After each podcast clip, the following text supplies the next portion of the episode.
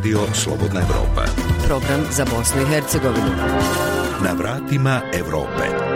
Emisija o evropskim integracijama.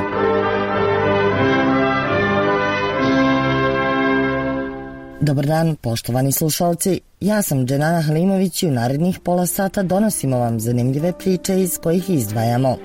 Odlazeći visoki predstavnik u Bosni i Hercegovini, Valentin Insko u oproštajnom intervju govori zašto nije ugašen OHR, iako je on po dolasku u Bosnu i Hercegovinu to dobio u zadatak.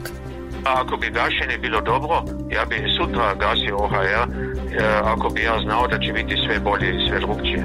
Međutim, ja sam dobio zadatak da zatvaram OHR, taj zadatak je bio pismen, međutim međunarodna zajednica, pogotovo ja lično, mi smo vidjeli i svake godine kako je postalo sve samo gore i gore. Zašto bosansko-hercegovački privrednici trebaju težiti izradi kompletnog proizvoda? Zato što namećeš se sa svojim proizvodama, a ne zavisiš, nisi kooperant, šta ti ja znam, kao kooperant uvijek se onaj situaciji da si podređen, da zavisiš od drugih faktora. Znači.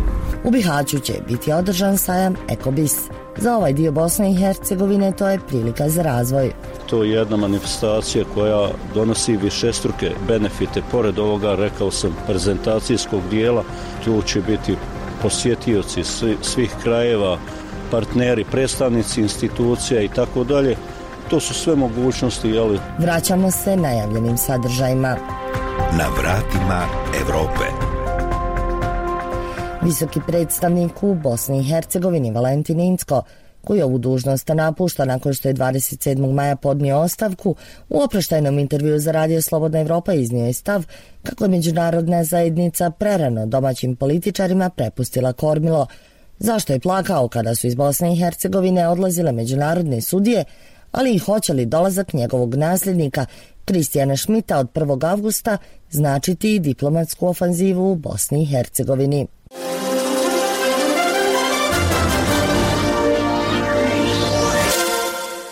Gospodine Incko, dali ste ostavku na poziciju visokog predstavnika u Bosni i Hercegovini. U zemlju ste došli prije 12 godina. Tada se očekivao veliki napredak. Odlazite, međutim i Bosna i Hercegovina je i dalje prilično nefunkcionalna.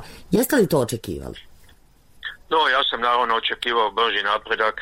Ja sam očekivao da će biti iskorišten ovaj zamah ova dobra energija koja je ovdje vladala prvih 10-12 godina, to sam očekivao. međutim, nije se to desilo i možda je međunarodna zajednica napravila jednu grešku kad je ona prebrzo menjala brzinu od onoga što smo imali, da robustno, jako internacionalno prisustvo i onda smo menjali brzinu u domaću odgovornost, domaća rješenja.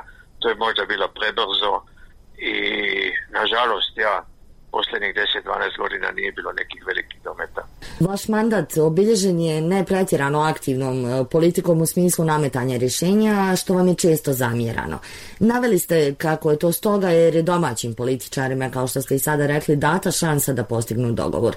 Smatrate li da ste nekada trebali reagovati oštrije? Tu ste bila još dva druga faktora.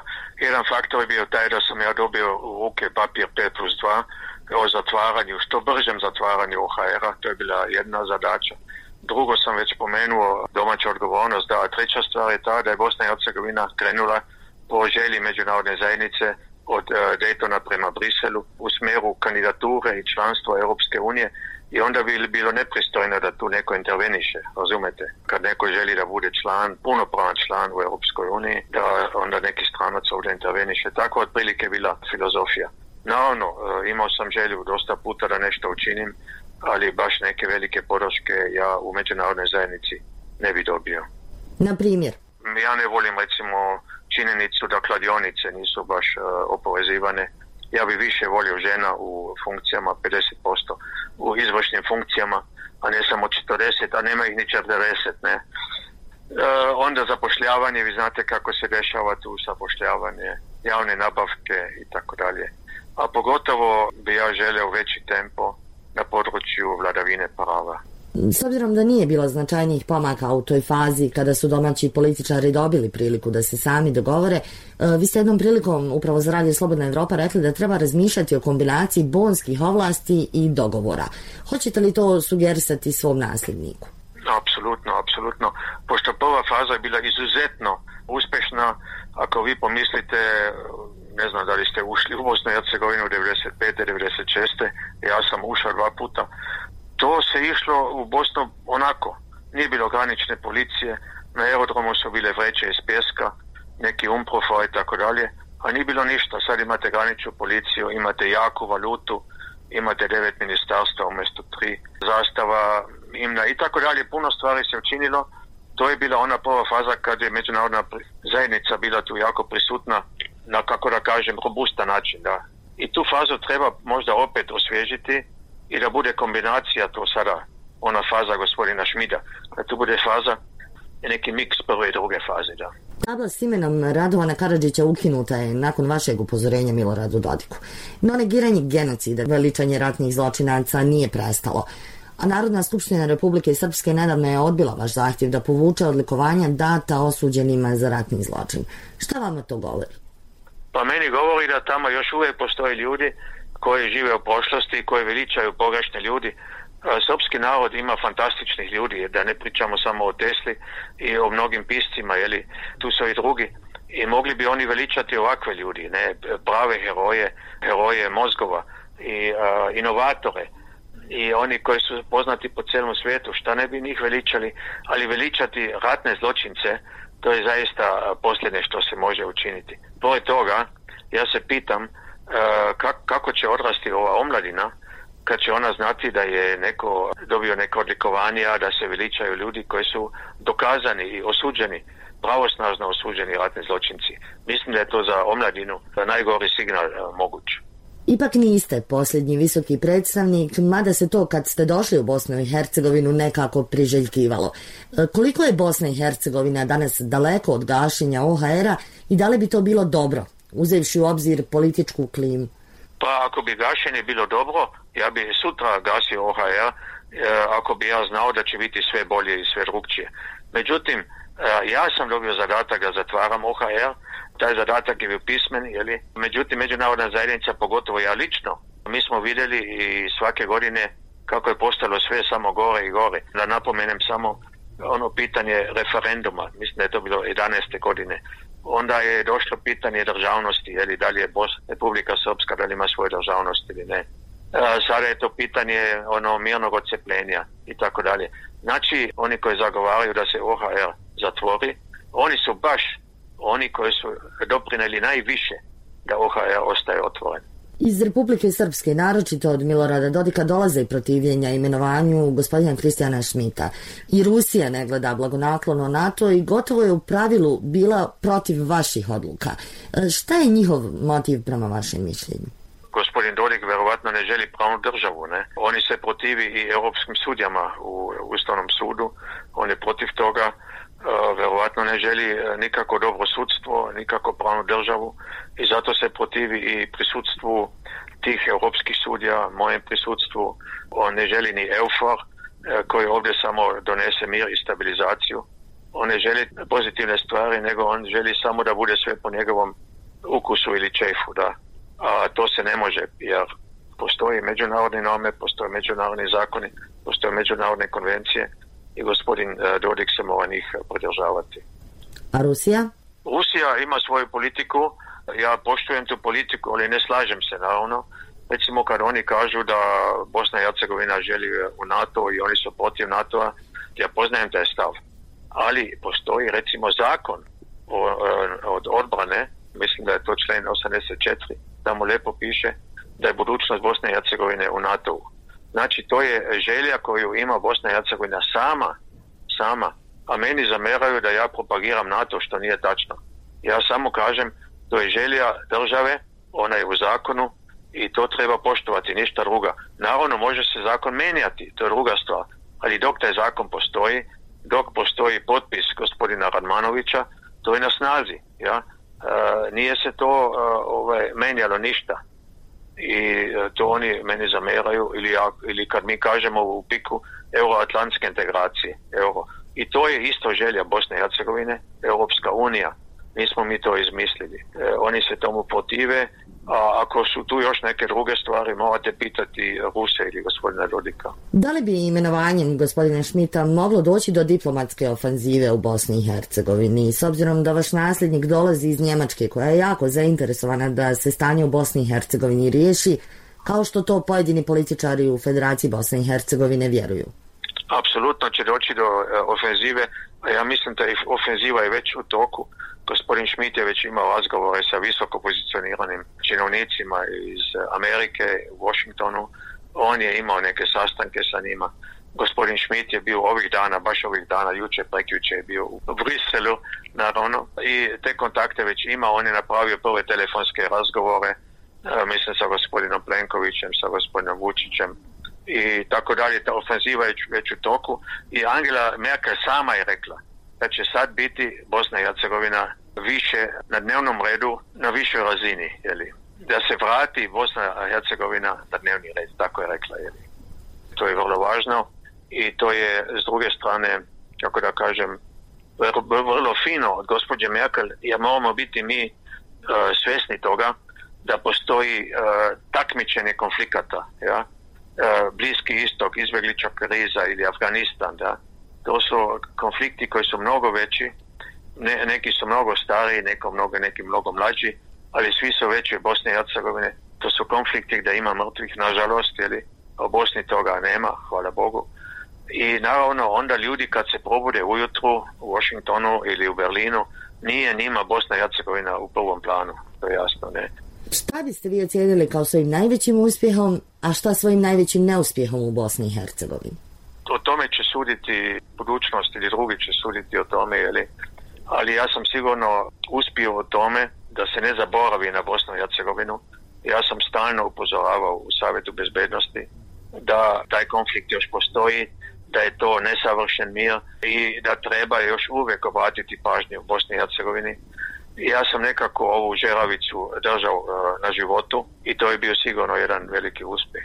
Lično isto ja mislim da činjenica da OHR ostaje, da je to jedan uspjeh, jer ja uh, iskreno mislim da je međunarodno prisutstvo još uh, potrebno, da li je to OSC, da li je to OHR, da li je to Europska unija, da li su to vojnici, EUFOR i tako dalje. Ja mislim to još uvijek, ta potreba još uvijek postoji ako želite da čujete šta je bila moj, moj najcrniji dan u, u životu ovdje posljednjih 12 godina, najmračniji dan za mene je bio kad su međunarodne sudije i tužioci koji su ovdje radili po raznim tužilaštvima, sudovima i tako dalje, kad su oni morali da idu kući 2009. godine. To je za me bio najcrniji dan. Izvinite, ja sam plakao taj dan. Ja sam znao šta to znači za Bosnu i Hercegovinu kad idu uh, iskusni sudje, iskusni tužioci kad idu kući. Nažalost, to nisam mogao spriječiti. Međunarodna zajednica je željela da oni idu i tako. Evo. I ja sam dobio tada od istaknutih pravnika koji su advokati ovdje i čak nisu ni političari. Oni su tada uh, meni izuzetno to zamjerili da, da sam to omogućio, odnosno aminovao i šta znam ja. Međutim, ja sam još probao da oni ostaju neko vrijeme do kraja mandata i tako dalje. Međutim, e, mi smo ogromno izgubili tada i bili smo na dobrom putu da to bude pravna država i to je bilo sve prekinuto uh, odlukom međunarodne zajednice krajem 2009. godine. Ako uh, još mi pitate za sretne momente, to je bilo sigurno bezvizni režim u Europsku uniju. Ja sam bio tada specijalni predstavnik Europske unije i taj bezvizni režim, mislim, traje od 2010. godine i e, sjećam se kad sam bio u četiri ili pet ujutru na aerodromu kad je e, sto mladih ljudi otišlo Srba na ono Hrvata, Bošnjaka i nekih ostalih e, kad su oni otišli u Brisel prvi put neki uopšte prvi put a sigurno prvi put bez vize jeli to je bio jako sretan trenutak za mene za Radio Slobodna Evropa govorio Valentin Insko, visoki predstavnik u Bosni i Hercegovini.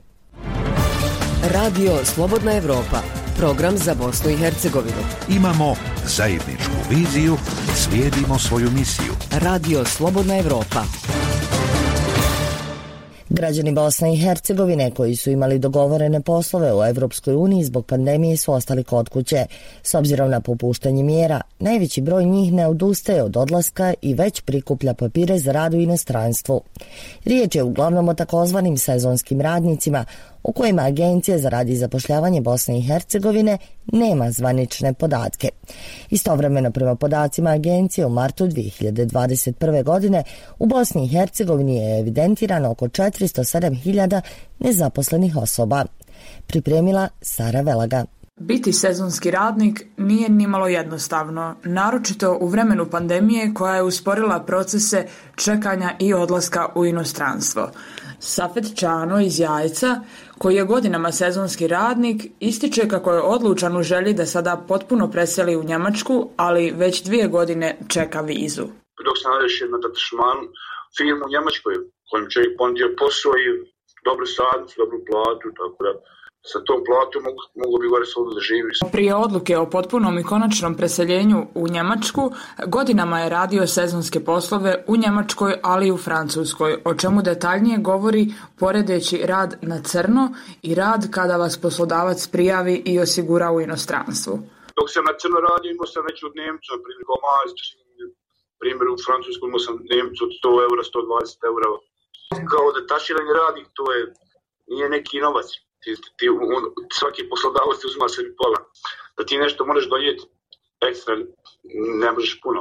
Možeš, na 9 mjeseci možeš, možeš štediti neki 5000 eura, 4000 eura, sve zavisi. I dok neki uspijevaju uštediti novac radeći sezonske poslove, drugi nemaju izbora – Božidar Talić iz Banja Luke student je na ekonomskom fakultetu u Ljubljani, a za radio Slobodna Evropa ističe kako ne postoji alternativa za sezonski rad u njegovom slučaju. Za ovu sezonu nisam planirao da idem u Sloveniju, ali u slučaju da se slučajno ispiti recimo organizuju e, uživo, bit ću primoran da idem tamo i u tom slučaju ću biti primoran i da radim ispite i da, da, da radim pored ispita neki, ne znam sada će biti sezonski posao, ali minimalno dva, dva mjeseca ću morati raditi. Uprkos neizvjesnosti na dolazeće sezone, studentica psihologije iz Mostara Tanja Perić pregovara sa poslodavcima za rad u sezoni na Hrvatskom primorju. Ističe kako joj veliku olakšicu predstavlja posjedovanje hrvatske putovnice. Kada sam se čula sa ženama sa kojima sam gledala za posao, uglavnom govorile su mi samo je li imaš hrvatske dokumente, kao to je za sad najbitnije, pa ćemo vidjeti ovisi sve što se tiče poslije granica. Neki ljudi govore nećemo zapošljavati radi pandemije nove radnike, nego ćemo samo ove e, što su bili prošlih i predprošlih godina. Tačan podatak o broju državljana Bosne i Hercegovine koji odlaze na sezonske poslove ne postoji, što je za Radio Slobodna Evropa potvrđeno iz Agencije za rad i zapošljavanje Bosne i Hercegovine. No činjenica je ta da brojni državljani i dalje idu trbuhom za kruhom na sezonske poslove u Njemačku, Hrvatsku ili druge države. Za Radio Slobodna Evropa iz Jajca, Sara Velaga. Evropski standardi za evropsko tržište. Za izvozno orijentirane metaloprerađivačke firme iz Bosne i Hercegovine najvažnije je tržište Evropske unije, posebno Njemačke i Austrije. Trgovinski odjel Austrijske ambasade u Bosni i Hercegovini priprema forum pod nazivom Metalska industrija u Bosni i Hercegovini, koji će se održati u drugoj polovini ove godine i na kojem će kompanije iz Austrije predstaviti svoje proizvode i potrebe za budućom saradnjom. Stručnjaci smatraju da bosansko-hercegovačke firme trebaju težiti prodaj proizvoda sa većim stepenom finalizacije te ulagati sredstva u razvoj i inovacije. Priča Arnisa Grbešića. U firmi koju je prije četiri godine u okolini Doboja osnovao Mehmed Husaković konstruišu se i prave različite mašine sa CNC tehnologijom. Nekoliko strojeva završilo je i u njemačkoj autoindustriji. Puno iziskuju truda, noći neprospavani, istraživanja, rada, projektova, crtanja na kilograme crteža i papira da bi se pristupilo radu.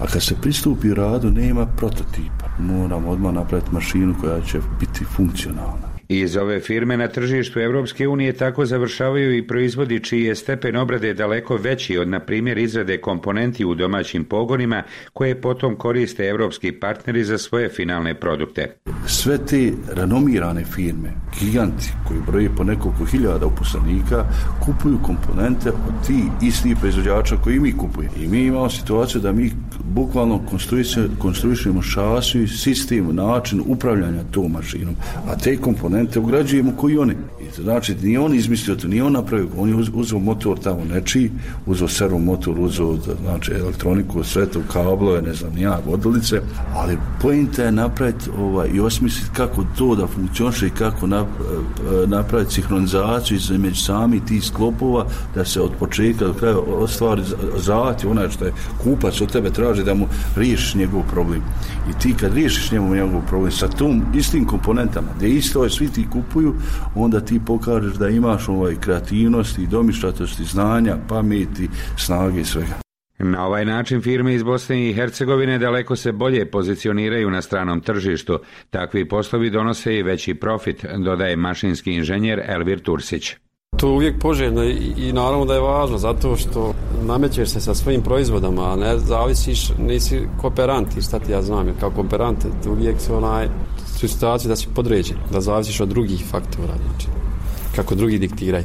A sa svojim proizvodom normalno da, da ti diktiraš svoju poziciju na tržištu. Konkurentnost domaće industrije koja je zasnovana na jeftinoj radnoj snazi i niskom stepenu obrade proizvoda nije garancija za budućnost, kaže predsjednik Udruženja mašinskih inženjera u Bosni i Hercegovini Sead Jahić.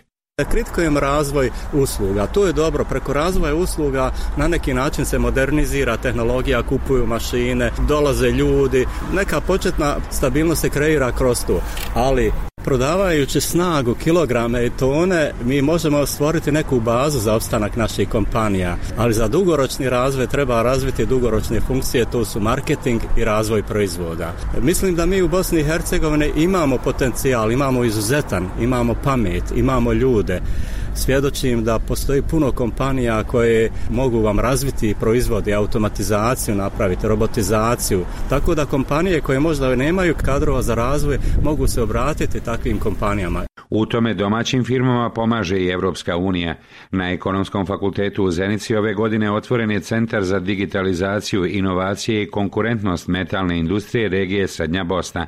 Viši asistent na Zeničkom fakultetu Ale Merdić. Europska unija znači podržava izvozno orijentisane sektore, prije svega ovdje u metaloprerađivačkom sektoru. Centar za digitalizaciju okuplja znači firme iz metaloprerađivačkog sektora.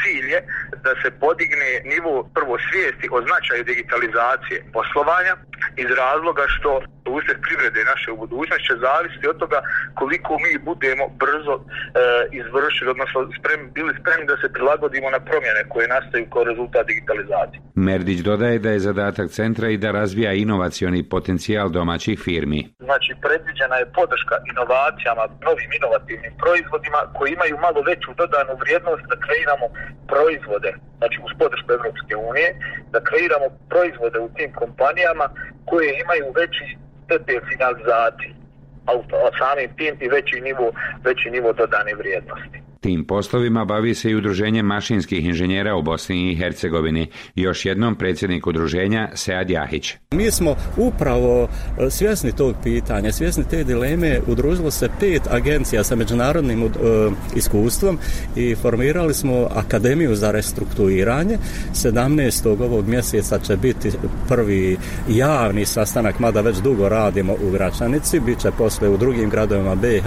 Znači, ta Akademija za restrukturiranje treba da pruži odgovore na razvoj proizvoda, razvoj tehnologije, upravljanje organizacijom, upravljanje promjenama, digitalizacija i financijski menadžment. Znači to su otprilike funkcije koje treba jednoj kompaniji, znači nije dovoljno samo jedna i Akademija za restrukturiranje može pružiti pomoć kompanijama da dadnu odgovor na ovo pitanje. Privrednik Mehmed Husaković kaže da su ovakvi projekti dragocjeni, te naglašava da su bosansko-hercegovačkim firmama potrebne i druge vrste podrške, posebno na domaćem tržištu kapitala. Snalazimo se kako znamo i umijemo. po, ovaj, dignemo od banke nešto, nešto na, ovaj, od proizvodnje svoje i tako dalje. Uglavnom, ili ako s nekim se dogovorimo taj posao, nešto avansa, uglavnom to je mukotrp. Inženjer mašinstva Elvir Tursić. Ništa nije lako u ovom privatnom sektoru. Moraš privrediti za rad onaj, i sebi i firmi. Lakše je mnogo ko je na budžetu, a pošto mi to nismo, mi se moramo boriti. Slike svakodnevnice šta muči ili inspiriše mlade kako prošle političke odluke utiču na našu budućnost. Ove i druge teme slušajte u podcastima Radija Slobodna Evropa. Sve epizode pronađite na iTunesu, Spotify, Google podcastima kao i na slobodnaevropa.org. Slušajte odmah ili preuzmite epizodu za kasnije. Tu smo svakog dana. Podcast i Radija Slobodna Evropa. U Bihaću će od 9. do 12. septembra u organizaciji Privredne komore Unsko-Sanskog kantona biti održan 18. međunarodni sajam ekologije Ekobis. Svoje učešće na značajnoj privrednoj manifestaciji ne samo ovog dijela Bosne i Hercegovine, već su najavile Hrvatska, Slovenija i Srbija, dok će učešće ostalih zemalja ovisiti o epidemiološkoj situaciji. Ovogodišnji ekobis tematizira elektromobilnost, a osim izložbenog dijela bit će organizirani i brojni prateći sadržaji. Pripremila Azra Bajrić. Nakon prošlogodišnje pauze uzrokovane pandemijom, Ekobis bi ove godine trebao okupiti kako privrednike, obrtnike i poduzetnike iz zemlje i regiona sa ciljem promocije i tržišne valorizacije proizvoda i usluga, tako i predstavnike vladinog i nevladinog sektora raznih institucija i asocijacija koji svojim programima žele doprinijeti realizaciji ciljeva održivog razvoja i 18. Ekobis organizira Privredna komora Unsko-Sanskog kantona, čiji predsjednik Enes Ružnić kaže. Standardno se na Ekobisu pojavljuje između 250 i 300 izlagača, taj broj očekujemo i sad. Broj zemalja ne možemo predvidjeti, sve zavisi od situacije kakva bude u tom trenutku, ali u svakom slučaju mi imamo potvrde iz naših susjednih zemalja Hrvatske, Srbije, Slovenije da će oni apsolutno biti prisutni na našem sajmu, a pogotovo od naših partnera koje se nalaze u tim zemljama. Najveća novina ovogodišnjeg Ekobisa je najavljena organizacija sajma turizma Ekotur i sajma obrta i starih tradicionalnih zanata, koji bi u budućnosti trebali postati samostalne sajemske manifestacije. Dotad bi trebale postati svojevrsni brend s obzirom na razvojne mogućnosti Unsko-Sanskog kantona upravo u sektorima turizma i obrta. Ekobis je jedan od značajnijih projekata i za razvoj grada Bihaća.